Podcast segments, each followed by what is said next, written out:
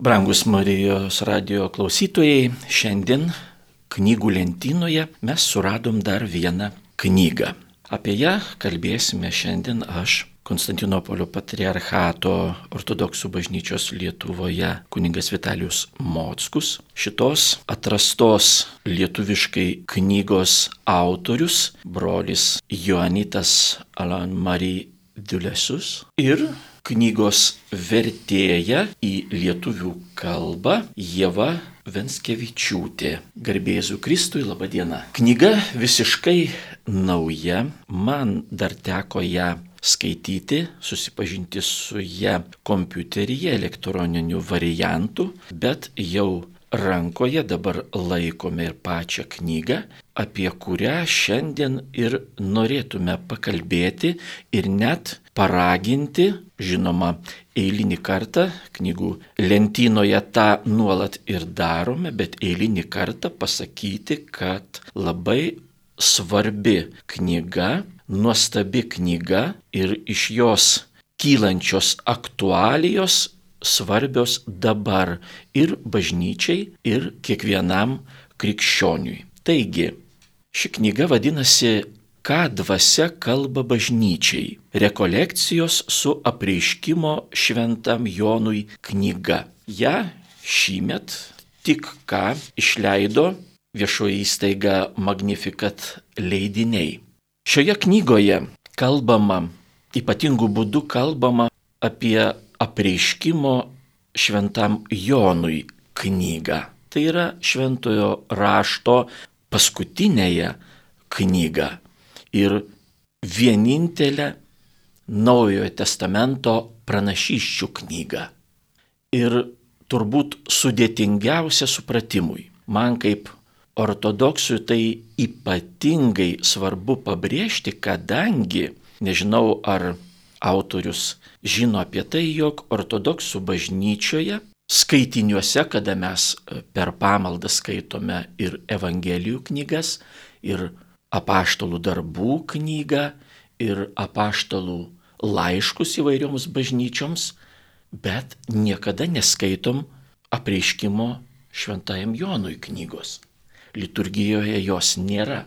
Kodėl? Na, apie tai ir, ir, ir šiandien pakalbėsim, bet būtent, kad ji yra iš tikrųjų sudėtinga, bet ne tik.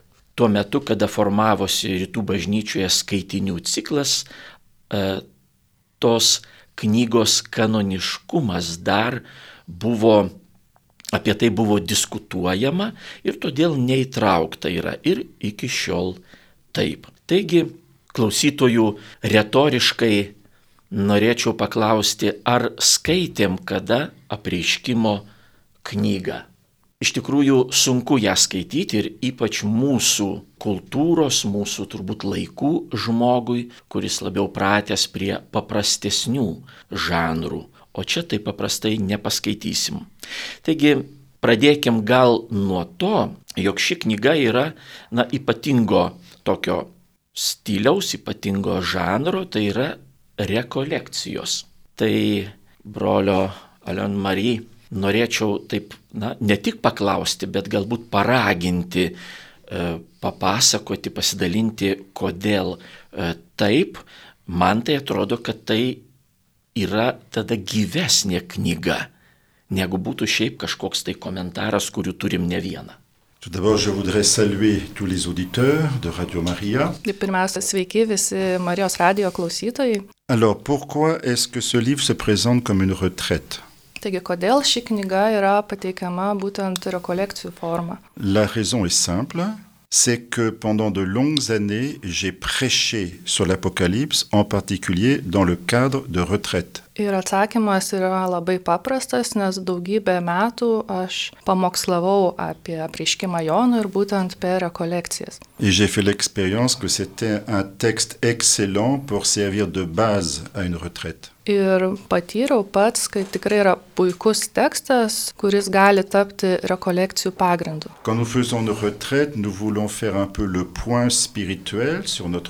Taigi, kai atliekame rekolekcijas, tai tikrai norime taip peržvelgti peržvelgti, dvasiškai peržvelgti savo gyvenimą. Nous voulons aussi faire un examen de conscience pour voir ce que nous devons changer. Taip pat atlikti sąžinės tyrimą ir pasižiūrėti, kągi turėtume pakeisti. Or, précisément, les chapitres 2 et 3 de l'Apocalypse, qui sont la matière principale de ce livre, sont exactement cela. Ir būtent antras ir trečias apreiškimo Jonui knygos skyriai, kurie ir sudaro šios knygos pagrindą, tai būtent tam ir yra skirti. Le Christ y fait l'examen de conscience de l'Église Kristus tyria bažnyčios sąžinę. à travers cette communauté chrétienne historique située en Asie mineure, aujourd'hui en Turquie. Ir būtent e, pasiremdamas tomis krikščioniškomis mažosios Azijos bendruomenėmis, šiomis dienomis šita teritorija yra Turkijoje. Mais tout de suite, les commentateurs à l'époque des pères de l'Église ont compris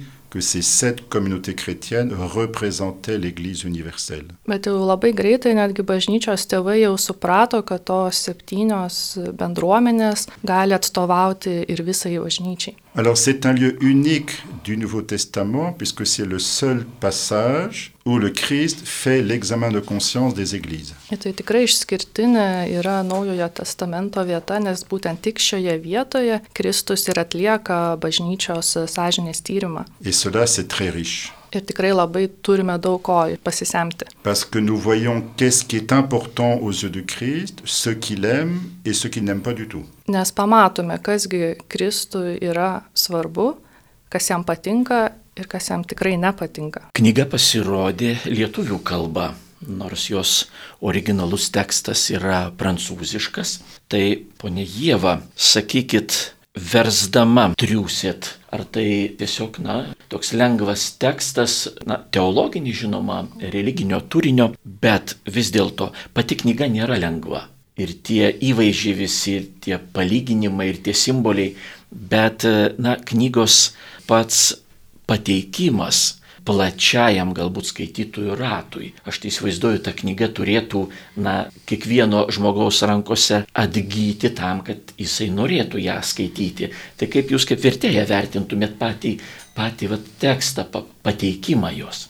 Čia labai teisingai jau išskyrėte tos du aspektus ir būtent ką aš galėčiau apie savo darbą su šia knyga pasakyti, tai autoriaus kalba, kaip jis dėsto mintį, yra tikrai lengvai suprantama. Bet dalykai, kuriuos, kurie yra dėstomi, tikrai yra sudėtingi ir aš iš savo, kaip tikinčiosios patirties, galiu paliūdėti, kad nu, nekartą esu perskaičius tą apreiškimo Jonui knygą, perskaičiau ir padėjau ten truputėlį gal iš... Visą knygą ar tik Taip, tai taip. dalis? Nu, ten tiesiog jau, nes lekcijo divina ar kažkaip ten pasitaikė dar per rekolekcijas ir kažkokių komentarų esu ten pasirankius, bet vis tiek, nu, paskaitai ten vieną pastraipą ir jau taip rankos ir svyra. Tai bet ver, versti man tikrai buvo dovana, nes dabar aš galiu pasakyti, kad aprieškimo Jonų knyga man įsiliejo į visą švento rašto knygų rinkinį, matau autoriaus dėka visas sąsajas.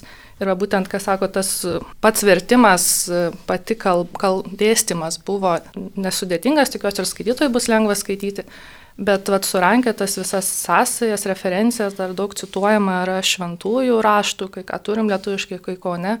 Tai ta, va čia reikėjo padirbėti, pa, pa, parankioti ir būtent sudėlioti, kad gražiai viskas lietųsi ta, ta, ta tekstas. Nes tikrai vertėjo darbas yra labai svarbus, sakoma, kad vertimas tai yra antras e, vos ne kūrinys, kaip irgi perteikti tą kalbą adekvačiai, kad mes suprastume, ką norėjo pasakyti autorius. Na, o žinoma, autorius, manau, galima būtų, čia jau ne, toks nuoroda į čia esantį autorių šitos knygos, turbūt galima būtų pasakyti, kad kaip ir literatūros kritikai, nagrinėdami, tyrinėdami kokį tai kūrinį, visada nori prisikasti prie tos pačios pradžios, tarkim, kodėl autorius taip rašė, kodėl jisai būtent tokius žodžius parinko. Čiagi būna ir gyvenimo tam tikros aplinkybės ir galbūt net biografijos kažkokios detalės ir aplinka, kurioje gyveno, ir vietovė, ir kultūra ir taip toliau. Tai apreiškimo knyga turbūt irgi yra tokia, tyrinėjant ir rengiant šitas rekolekcijas ir knygą rengiant, vis dėlto prisikasti turbūt prie to, kągi autorius, tai yra Dievas šventoji dvasia, norėjo, kaip ir pavadinimas mums jau pasako, ką norėjo pasakyti bažnyčiai. Čia toks kaip ir literatūros kritikas, bet būtent išvelgti, ką Dievas nori man pasakyti. Tai turbūt aluzija ta pati būtų. Autorius būtent ir remiasi labai daug dėmesio e, skiria literatūriniam žanrui ir tai labai daug ką paaiškina. Kaip sakau, dabar jau tikrai man ta knyga yra nebėra tokia baisi ir tikrai matau, kad galiu daug semtis ir at, kas yra svarbu, kad e, gaunam tą tokią prieigą vat, savo kasdieniam gyvenimui, kaip rekolekcijų forma, galia yra kiekvienos skyriaus pateikiami klausimai, sąžinės peržvalgai ir vat, aš, ką aš galiu pasisemti, ne, ne kažkokia praeities, ten bažnyčios, kur aš nežinau nei konteksto, nei, nei istorijos, nei situacijos, paskaitau tiesiog kaip faktą, o ką aš galiu va, dabar gyvendama savo gyvenimą tą išsinešti. Oui, euh, cet ouvrage n'est pas un ouvrage d'exégèse scientifique. Šitas darbas nėra mokslinės egzegezės veikalas. C'est un ouvrage de spiritualité. Dvasingumo veikalas. Mais j'ai commencé par travailler l'Apocalypse sur le plan scientifique. J'ai fait ma thèse de doctorat sur l'Apocalypse, notamment sur ces chapitres-là. J'avais aussi publié deux livres en français d'exégèse scientifique. Et ça, c'est important. Bet visas tas pagrindas būtent yra mokslinis. Vat autorius sako, kad pradėjo gilintis būtent iš mokslinės pusės ir parašė daktaro darbą, būtent remdamasis šiais dviem, dviem skyriais.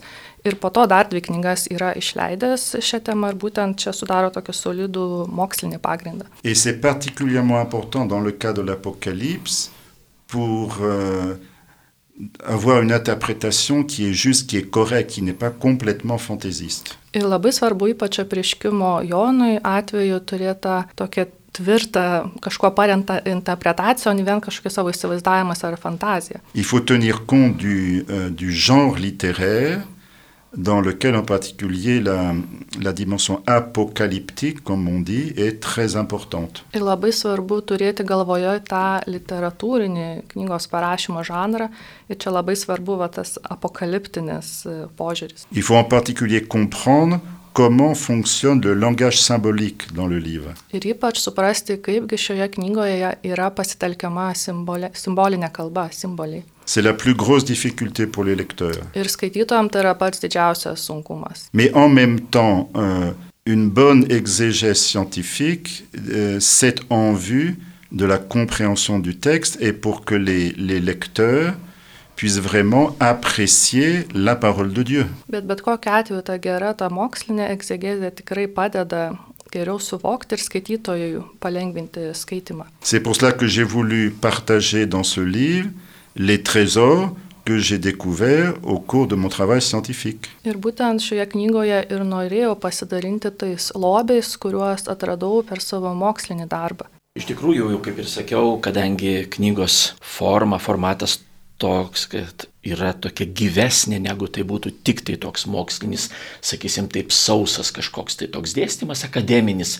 Tai kadangi yra gyva tokia knyga, beje, nu, man atrodo, bent jau iš savo patirties, e, lengvai skaitoma, lengvai taip kažkaip prilimpa ta, ta knyga ir todėl tikimės, kad ir skaitytojams palengvins e, šventojo rašto supratimą ir kartu, aš manau, kad e, kaip ir kiekviena knyga arba kiekvienas turbūt žodis apie Dievo žodį turėtų būti provokacija. Provokacija skaityti šventą raštą. Gilindamiesi net ir į šitą tekstą, į šitas mintis autoriaus mes turėtume kažkaip būti išprovokuoti. O toliau kažką tai pasižiūrėti, toliau pasigilinti. Ir aš manau, kad tikrai tokia forma, na, tą, tiks, tą tikslą pasiekė iš tikrųjų. Ir apskritai ir katalikų ir ortodoksų bažnyčioje šventojo rašto skaitimas nuolatinis, kasdienis, tai, na, sakysim, yra gana nemaža problema bendruomeniai dar ir kiekvienam žmogui. Deja, nors jau tiek laiko mes, na, kalbam apie tai, tiek laiko nuo, nuo Kristaus laikų, ar ne, kalbam, jog tai yra Dievo žodis, kaip ir pasakyta čia įžangoje, kad mes turime maitinti savo sielą tuo Dievo žodžiu, bet kažkaip tai mes ne visai išalkstam. Tai todėl šita knyga vėl, pabrėžiu, yra tokia provokacija skaityti šventai raštą, gilintis į domėtis, e, tegu e, tas žodis nebūna toks sausas ir nuobodus, tiesiog studijuoti šventąjį raštą. Studijuoti tai reiškia, na, savo pritaikyti. Ir tai iš tikrųjų tie e, klausimai labai aktualūs yra ir kaip e, autorius šį įžangoje yra parašęs, kad tai yra tik tai tokie pagrindiniai klausimai, nukreipiantys į gilesnį dar savo sąžinės e, tokį perkratymą. Po kiekvieno laiško, kiekviena iš septynių šitų bažnyčių ir po kiekvieno skyriaus, tarkim, klausimai sąžinės tyrimui. Po laiško Efezui ir pranašystės ir palinkėjimo Efezui, ką šventoji dvasia sakė šitai bažnyčiai, tai yra ir mums, ir mūsų bendruomenėms. Ar dažnai prašau šventosios dvasios nužengti ir atnaujinti mano krikščionišką gyvenimą? Ar stengiuosi nuolat atnaujinti valingą uolumą, reiškia samoningai veikti, kažką daryti. Ar reguliariai skiriu laiko maldai, kad pabūčiau su viešpačiu ir skiriu daugiau nei privalau. Vėl čia labai svarbus klausimas, o kiek aš privalau melstis? Tai gal tie trys poteriai ar penki ir užtenka? Atsižymėjau, kaip neretai pasąmoniai pas mus būna, supoteriavau viską ir dabar jau manęs netrukdykit, nekibinkit, aš jau gyvensiu savo ir dėja, neretai sakoma jau tą tikrąjį gyvenimą. Bet krikščionių tai nėra tikras gyvenimas, jeigu jisai nepersunktas, neįtrauktas į tą dvasinį gyvenimą. Tai krikščionių tai nėra tikras gyvenimas. Tai yra ta rutina, kasdienė rutina, apie ką kalba ir šventoji dvasia šitoms bažnyčioms. Taigi, manau, autorius sutiks su mano tokia reakcija į šitą knygą, į šitą tekstą, kad tai ta knyga yra raginimas dėmesį nukreipti nuo tik apieigų, neretai stereotipinių, prietaringų tokių veiksmų, tarkim, krikštyti, kad vaikas nesirgtų, arba net nesusimastom dėl ypatingos sekmadienių reikšmės krikščioniui. Kiekvienas sekmadienis yra didelė šventė. Arba tarkim, vat, kas ir šiomis dienomis mes nepastebim visų šventųjų dienos, o į kapines važiuojam tik tai sutvarkyti, maksimum vėl papoteriauti, bet tos nuolatinės maldos, kuri, apie kurią kalba m, va šitas klausimas sąžinės tyrimui, o daugiau nei privalau. O tai kiek aš privalau? Vienam galbūt ir penkios minutės yra daug, bet kitam ir valanda per mažai. Jis dar alksta. Ir manau, kad autorius turbūt sutiks su tą mintim, kad tai yra nukreipimas nuo tokių tik apieiginių dalykų, tokio sekmadieninio, tik tai krikščioniškumo buvau bažnyčioj ir toliau gyvenu jau kaip gyvenasi, o vis dėlto pamastyti giliau. Alors, pour la première question, je répondrai que on ne peut pas déterminer avec un chiffre précis combien de temps je dois donner à la prière. Tai čia apie tą pirmą klausimą, apie provokacinį, kiek čia turėčiau laiko skirti maldai. Sakom, tikrai ne, ne, negaliu duoti tokio skaičiaus tikslaus, vat, kiek reikėtų melstis. Pas plus que dans le mariage, je ne peux fixer combien de minutes l'époux doit passer avec son épouse. Pat kaip ir santokui negalim nustatyti, kiek to laiko minučių per dieną sutoktinės turi praleisti su savo žmona. Mais des époux qui s'aiment beaucoup mutuellement aimeront passer beaucoup de temps ensemble quand ils le peuvent. Bet sutoktiniai, kurie myli vienas kitą, tikrai stengiasi kuo daugiau laiko praleisti kartu, kiek tik galima, kiek tik išeina. Alors pour les chrétiens, il y a bien, il y a bien sûr l'état de vie qui compte. Ir krikščionims yra labai svarbu va, gyvenimo būklė padėtis situacija. Normalement, un moine a plus de temps pour la prière qu'une personne mariée. Ir paprastai vienuolis turi daugiau laiko skirti maldai negu susituokęs žmogus. D'autant plus que la prière, ça fait partie essentielle de sa mission comme moine. Dar tai, kad malda yra tokia esminė jo kaip vienuolio misijos dalis. Mais même pour un moine, peut-être que sa règle de vie va lui dire il faut que tu pries tel office, etc. Mais il est bon aussi qu'il donne du temps gratuit en plus. Ir galbūt vienuolė yra ta reguloje nustatyta, kad tokią ir tokią valandą melstis, ten tokią liturginę valandą, bet taip pat jis dar gali nuspręsti, kaip dovanai tą laiką skirti maldai. Parce que l'amour implique des devoirs, c'est vrai, mais il va toujours au-delà. Bet nes meilė tikrai visada reiškia ir tam tikrą pareigą, bet visada eina ir daug toliau, peržengia tai. Alors pour la deuxième question maintenant, c'est vrai qu'il est très souhaitable que les fidèles passent du temps à lire, à travailler et à méditer la parole de Dieu. Tikrai labai pageidautina, kad tikintieji skirtų laiko skaityti ir taip išmedituoti, apmastyti Dievo žodžiui. Alors il faut, il faut, reconnaître que dans l'Église catholique, nous revenons de loin parce qu'il y a à peu près un siècle, la situation n'était pas très brillante. Ir reikėtų pasakyti, kad katalikų bažnyčioje, tarkim, paėmus paskutinį šimtmetį, ta padėtis nėra labai tokia puikiai. Maintenant, grâce à Dieu, il y a de plus en plus de fidèles laïcs qui lisent la parole de Dieu. O dabar, dėkui Dievui, yra vis daugiau tikinčiųjų pasauliečių, kurie skaito Dievo žodį. Et puis la liturgie de la messe donne une place plus grande à la parole de Dieu. Ir mišių liturgijoje taip pat daugiau vietos skiriama Dievo žodžiui. Là aussi, vous voyez, chaque personne doit trouver les moyens en fonction de son état de vie, de sa situation personnelle. Kiekvienas žmogus turėtų atsižvelgdamas į savo asmeninę padėtį, tą gyvenimo situaciją. Il y a des personnes, par exemple, qui, en prenant les transports en commun, comme l'autobus ou le tramway, prennent leur téléphone portable et lisent un passage de la Bible. C'est bien. Atsižvelgiant tą savo gyvenimo situaciją, surasti laiko. Pavyzdžiui, yra žmonių, kurie važiuodami viešojo transportu pasima telefoną ir paskaito ištraukėlę iš Biblijos. Parce que peut-être n'ont-elles pas beaucoup de temps en dehors. Nes galbūt kitu atveju to laiko netiek daug ir yra. Mais je pense qu'il est bon aussi de rappeler que le dimanche, c'est le jour consacré au Seigneur. Bet taip pat, manau, yra, būtų gerai priminti, kad sekmadienis yra diena skirta viešpačiui. Et donc, il est normal que ce jour-là, tous les fidèles fassent un effort supplémentaire pour donner plus de temps au Seigneur. Ir normalu, kad tą dieną tikintieji tokia deda didesnę pastangą skirti daugiau laiko viešpačiui. Par la messe, par la lecture de la parole, par la prière. Eiti mišes, skaityti Dievo žodį, melstis. Et cela permet d'établir et de conserver un contact personnel avec le Seigneur. Ir tai būtent ir padės tą ryšį su viešpačiu ir užmėgsti ir palaikyti. Pour que la religion chrétienne ce soit pas simplement une tradition culturelle, ce n'est pas suffisant. Ir kad neliktų šita katalikų tikėjimas tik tai tokia kultūrinė tradicija, nes to tikrai nepakanka. Nous avons des exemples un peu tristes au XXe siècle de pays de tradition catholique où la religion a beaucoup diminué parce que c'était trop culturel, ce n'était pas assez enraciné dans les personnes. Ir matome tikrai liūdnų pavyzdžių iš 20-ojo amžiaus, kai šalis, kur buvo gilita katalikiška tradicija, tiesiog praranda tą tikėjimą, nes būtent tai buvo tradicijos dalis ir nebuvo įsišaknyje giliai kiekviename asmenyje.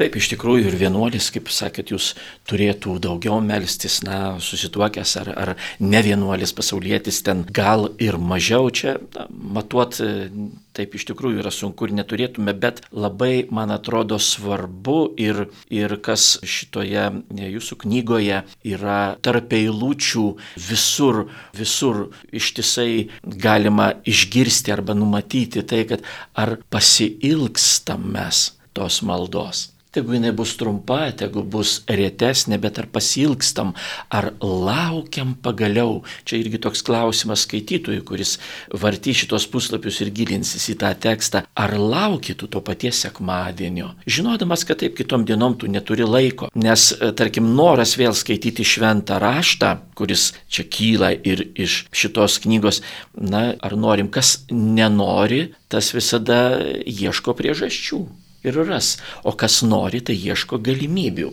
Net ir vat, transportu važiuojant, kaip, kaip minėjot, štai kažkur susiranda galimybę, nes tarkim jisai galbūt net rytą, kurį buvo skyręs ten kažkiek laiko paskaityti šventą raštą, bet jis na tarkim, pramiegojo, bet jis rado galimybę vis tiek tą minutę ar pusę minutės žvilgtelėti. Ir tai rodo tai, apie ką galėtume vėl kitą temą pradėti čionai, kylančią vėl iš šitos knygos aktualijų apie tikėjimą tikėjimo tyrumo svarba, tarkim, kaip pavadinta, reiškia, pavadintas penktas skyrius laiškas pergamui tikėjimo tyrumo svarba. Kaip pasverti tą tikėjimą, kiek mumise jo yra. Tai neįmanoma nei pačiupinėti, nei kilogramais, nei džiauliais, nei kuo kitu pamatuoti ar pasverti, bet galima kažkiek tai tam tikrais kažkokiais tai parametrais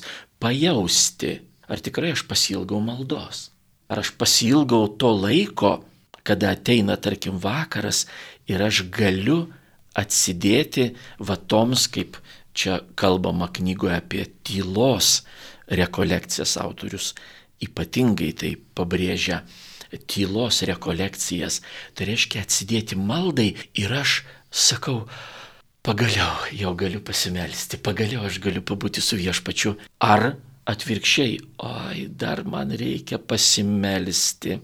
Na tiek to. Tai va čia irgi, va taip mes galim pasverti savo tikėjimą. Na čia nesvorio vėl matas, bet, bet va kažkokia tam tikra prasme tą tikėjimą apčiuopti, ar aš noriu bendrauti, ar aš sakau, O pagaliau jau sekmadienis artėja, arba baigėsi pamaldos ir aš nuliūdau, dar norėčiau, bet jau pasibaigė gaila. Vat taip mes matuojam vis dėlto, ne visai tinkamas to žodis, bet savo tikėjimą. Vat tikėjimas, tikėjimo tyrumo svarba. Jūs pabrėžėt e, tai savo knygoje.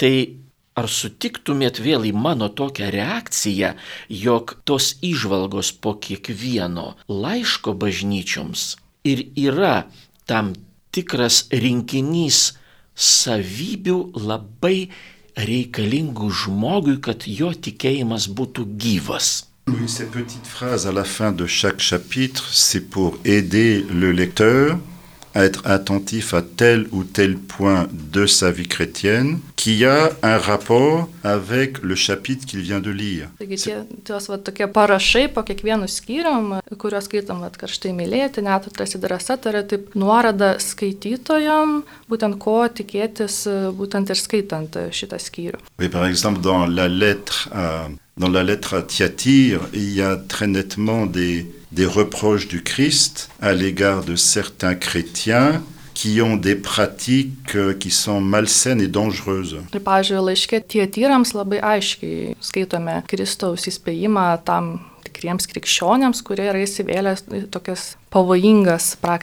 Des fidèles qui prétendent sonder les profondeurs de Satan, comme ils disent. Ir tos tokius kaip pranašas, kurie apsimeta esą yra ištyrę vat, šių, šių laikų dvasę. C'est l'occasion pour nous dire, mais moi, qu'est-ce que je fais? Est-ce que j'ai des pratiques dans ma vie chrétienne qui menacent ma foi, comme par exemple le spiritisme, comme cela. Ir čia aš tada galiu užduoti savo tokį klausimą, ar aš imuosi tokių praktikų, kur tikrai kelia pavojų mano dvasiniam gyvenimui, pavyzdžiui, spiritizmas. Voyez, surtout à notre époque, nous faisons très attention à ce que nous mangeons. Šiais laikais, mūsų laikais tikrai labai daug žiūrime į tai, ką mes valgome. Et maintenant, sur tous les produits alimentaires, vous avez une étiquette qui vous indique la composition, la quantité de graisse, le cholestérol, etc. Ir ant maisto produktų tikrai beveik visada rasim etiketę priklijuotą, kur yra visa sudėtis, riebalai, cholesterolio kiekis ir panašiai. Et parfois, ah non, ça, ce n'est pas bon pour moi. Ir paskaitom, sakom, ne, čia man netiks negerai ir padedam. Eh bien, pour euh, la foi, pour la doctrine, c'est similaire. Faut faire attention de ne pas, j'allais dire, recevoir de manière euh, non critique des doctrines qui sont fausses et qui peuvent mettre la foi en danger. Tikrai nereikėtų nekritiškai priimti tokių mokymų ir doktrinų, kurie yra klaidingi ir tikrai gali pakenkti mano tikėjimui. Donc c'est très bien de protéger sa santé physique, c'est plus important encore de protéger sa santé spirituelle. Taigi labai gerai, kad rūpiname savo fizinę sveikatą, bet dar svarbiau yra rūpintis savo dvasinę sveikatą. Tarkim, jeigu žmogus patenka į tokią erdvę, į vandenį ir mūsų organizmas yra nepritaikytas kvėpuoti po vandeniu vandenyje. Žuvys, žuvų organizmas pritaikytas, o jos negali gyventi ten, kur mes gyvenam. Tai aš dabar iš viso to, kas, ką, ką va čia atradau šitoje knygoje, tokią išvadą prieėjau savo, kad va tos savybės žmogui reikalingos, apie ką kalbama yra kiekvienam laiške šitoms bendruomenėms, šitoms bažnyčioms, yra reikalingos, kad mes jas čia įgyję galėtume būti, na, kvepuoti ar ten nekvepuoti, būti ten amžinybėje. Be tų savybių žmogus amžinybėje su Dievu negali būti ne todėl, kad Dievas jo nepriėmė arba nenori matyti, myli kiekvieną, bet kad mes nenorėjome įgyti, neįgyjome šitų savybių, kurios duotų mums galimybę ten būti. Tai aš įsivaizduoju net ir šitaip, vat, tokią išvadą priejau iš šitos knygos, kad tai yra savybės, kurios man būtinos yra ir tas tikėjimo tyrumas, ir ta meilė, ir neturtas, reiškia požiūris į visą tai, ką, ka, kas mus supa, ką Dievas duoda arba nuo ko Dievas saugo. Tarkim, saugotis dvasinio miego, saugotis pasitenkinimo savimi, kada aš jau tada patenkintas esu savimi, reiškia, o ką man tada tobulėti, dvasiškai tobulėti. Taigi, turbūt tai yra tos savybės, be kurių mes nemokėtume būti ir mus tiesiog ta erdvė išstums arba mes patys kaip kamštis iš, iš vandens, ten iš butelio, iššoksim iš tos erdvės, negalėsim būti amžinybei.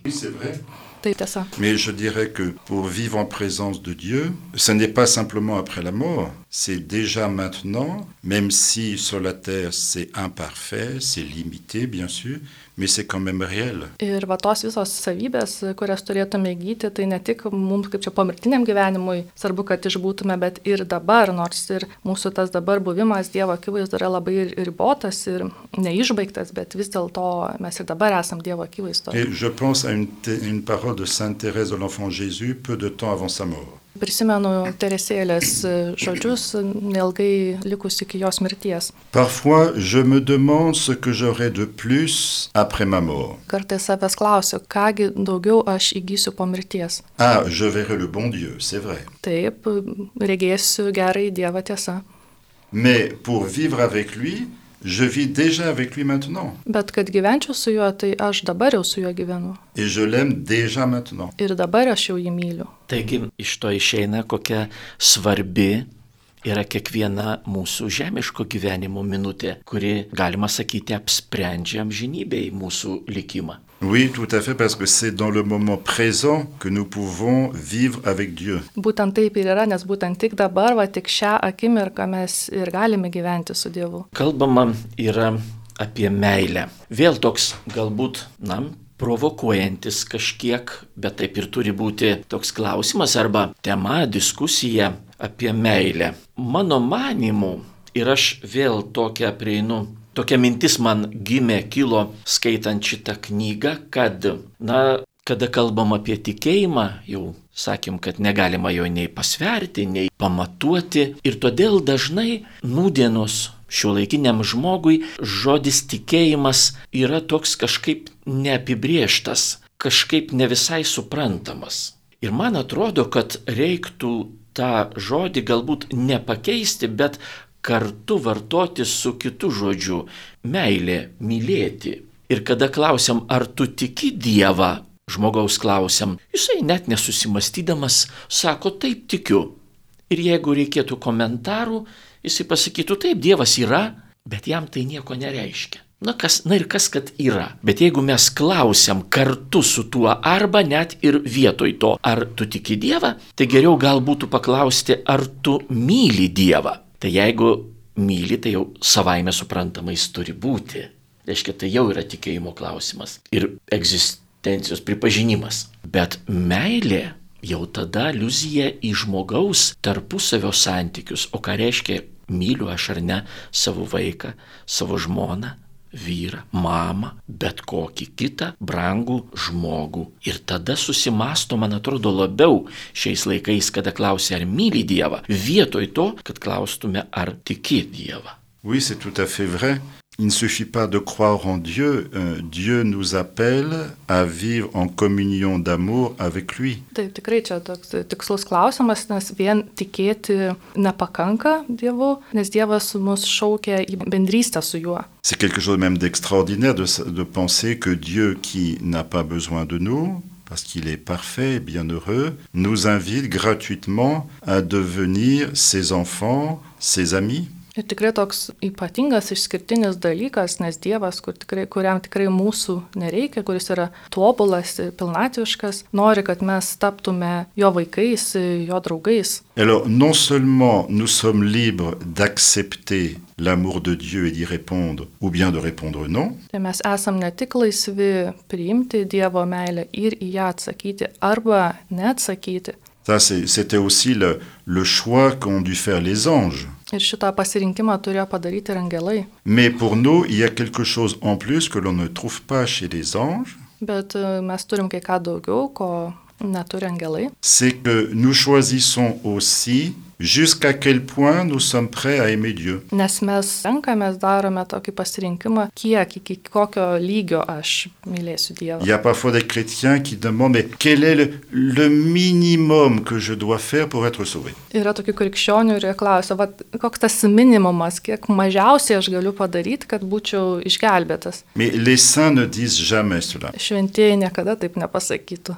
Non, le saint, c'est quelqu'un qui veut aimer Dieu de toutes ses forces et qui trouve toujours qu'il ne l'aime pas assez. O šventasis yra žmogus, kuris stengiasi Dievą mylėti visomis jėgomis ir vis jam atrodo, kad nu, vis dar nepakankamai. Donc chacun est libre de répondre, mais je pense qu'il est bien de regarder le Christ. Ir kiekvienas laisvas vat, at- atsakyti į šitą klausimą, kaip jam išeina, bet visada reikia išvelgti į Kristų, Comment est-ce que Dieu nous a aimés kaip Dievas mus mylėjo. Il n'était pas obligé de s'incarner comme homme, il n'était pas obligé de mourir sur la croix. Jis tikrai nebuvo įpareigotas įsikūnyti kaip žmogus ir nebuvo įpareigotas mirti ant kryžiaus. Il pouvait nous sauver d'une manière beaucoup moins coûteuse pour lui. Ir jis tikrai galėjo mus išgelbėti tokiu būdu, kuris jam būtų daug mažiau kainavęs. Vous pensez par exemple qu'un seul acte d'amour de l'enfant Jésus à Nazareth était suffisant pour mériter le salut du monde? Ir galim pasakyti, kad vienas atvat vaiko Jėzaus kažkoks veiksmas Nazarete, to veiksmo būtų pakakę tam, kad pasaulis būtų išgelbėtas. Mais si Dieu a choisi la croix, c'est pour nous montrer avec quelle intensité inouïe il nous aime. Bet jeigu Dievas pasirinko kryžių, tai būtent tam, kad parodytų, vat, su kokiu tokiu nesuvokimu stiprumu, intensyvumu jis mus myli. Et donc si nous comprenons cela, nous disons, ben, je ne vais pas aimer Jésus juste un petit peu ou juste le minimum. Non, il m'a tellement aimé que moi aussi je veux l'aimer de tout mon cœur. Ir jeigu tai suprantame, tikrai nebegalėsim pasakyti, kad va, aš mylėsiu Jėzų ten kiek mažiausiai įmanoma, bet nesakysiu, aš noriu mylėti kuo labiau, kiek, kiek labiau. Alors un ange, lui, lorsqu'il choisit d'aimer Dieu, il entre tout de suite au ciel.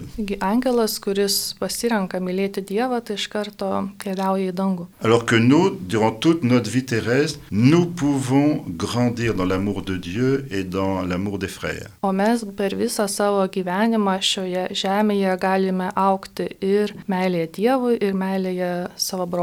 Et ça, je crois que c'est une belle manière de regarder notre vie en disant, il me reste encore du temps à vivre sur la terre. Ir čia toks tikrai gražus būdas žvelgti į savo gyvenimą, galim pasakyti, kad dar va, aš turiu tam tikrą laiko kiekį gyventi šioje žemėje. C'est merveilleux parce que je vais pouvoir grandir dans l'amour de Dieu et de mes frères. Nuostabu, nes reiškia, kad galiu aukti ir meilę Dievui, ir meilę savo broliams. Parce que nous sommes sur la terre pour cela. Nes tam mes ir esame šioje žemėje. Meilės niekada neužtenka. Ir tam, kas myli, ir, ir būnant mylimam, tai visada mes alkstam.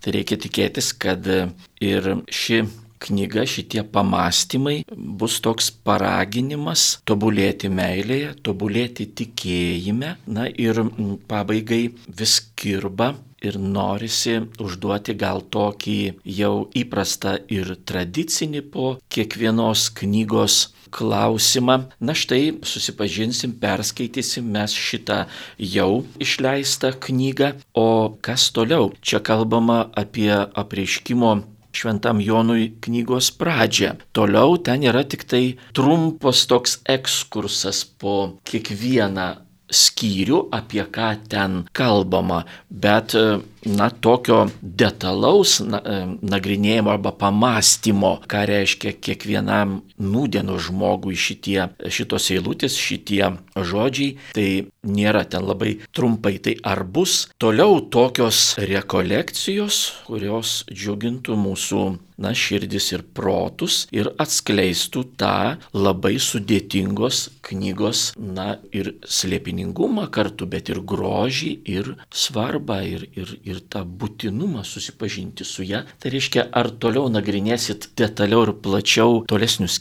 je crois que c'est une bonne idée, peut-être. Il faudrait que je réfléchisse, mais peut-être effectivement. En tout cas, pour l'instant, je ne l'ai pas fait, hein, pas, pas même en français, mais c'est peut-être quelque chose effectivement qui, qui serait intéressant de faire, oui. Labai gražiai įdomi mintis ir tikrai būtų įdomu toliau panagrinėti. Dar pats nesu prancūziškai parašęs to tesinio, bet tikrai manau, kad būtų gera mintis toliau pratesti. Perspektyva toliau gilintis nagrinėti, na ir vertėjai laukti vėl tokių prasmingų valandų ar dienų tokio darbo ir gilinimuose. Aš, tarkim, pažįstu vieną žmogų, vertėją, kuri verčia tekstus ir jinai, tarkim, suranda kokią tai citatą knygoje kito autoriaus nuorodą. Pacituoja autorius kažką tai ir jinai suranda toje knygoje to kitojo autoriaus tą citatą, kad išversti į lietuvių kalbą, bet netęsia toliau tos knygos vertimo, kol neperskaito visą knygą iš kur jinai paėmė tą citatą. Tai reiškia, gilinimasis yra toks platus, nuolatinis darbas ir tikrai maitinantis mūsų reikia manyti ir palinkėti alkstančią sielą, nes taip ir pamatuosim savo tikėjimą. Tai aš linkiu, kad ir toliau tokie pamastymai, tokios rekolekcijos būtų tęsiamos ir vertėjai, o per jūs ir mums visiems to džiaugsmo būtų. Kalbėjomės apie įvairius reiškinius, problematiką ir džiaugsmus kylančius iš nuostabios knygos Alan Marie Dulesus, autorius, brolis Joanitas. Knyga vadinasi Ką dvasia kalba bažnyčiai. Rekolekcijos su apreiškimo šventam Jonui knyga. Šįmet tik ką išleido viešoji įstaiga Magnificat leidiniai, vertė į lietuvių kalbą iš prancūzų vertėja Jėva Venskevičiūtė. Taigi reikia tikėtis ir ši laida, bet svarbiausia, jinai turi paraginti susirasti tą knygą, o knyga paskatins mus domėtis šventuoju raštu, pamilti šventąjį raštą, pamilti maldą, pamilti tylą, pabūti su Dievu, nes kaip labai gražiai yra pasakyta šventajame rašte, o autorius brolis Elan Marie cituoja čionai pratarmėje, jog Dievas kalba tame vėjo dvelgsme, tyliame, ramiame, tada mes jį išgirstam. Taigi galų gale, kad mes ne tik tikėtume, jog Dievas yra, bet ir karštai, karštai pamiltume jį taip, kad jis būtų mūsų gyvenime, kiekvieno iš mūsų gyvenime pirmoje vietoje. Ir jei Dievas bus pirmoje vietoje, tai visi kiti vaikai, mama, kažkokie svarbus mūsų gyvenimo dalykai ir iškiniai bus ne dešimtoje, aštuntoje ar trečioje vietoje. Jei Dievas bus pirmoje vietoje, visa kita bus savo vietoje. Taigi skaitykime knygą, ką dvasia kalba bažnyčiai. Tai yra, ką kalba kiekvienam iš mūsų. Dėkojame autoriui, dėkojame vertėjai ir tikėsimės, kad knygų lentynoje atsiras dar ne viena knyga šią temą arba tesinys šitos knygos.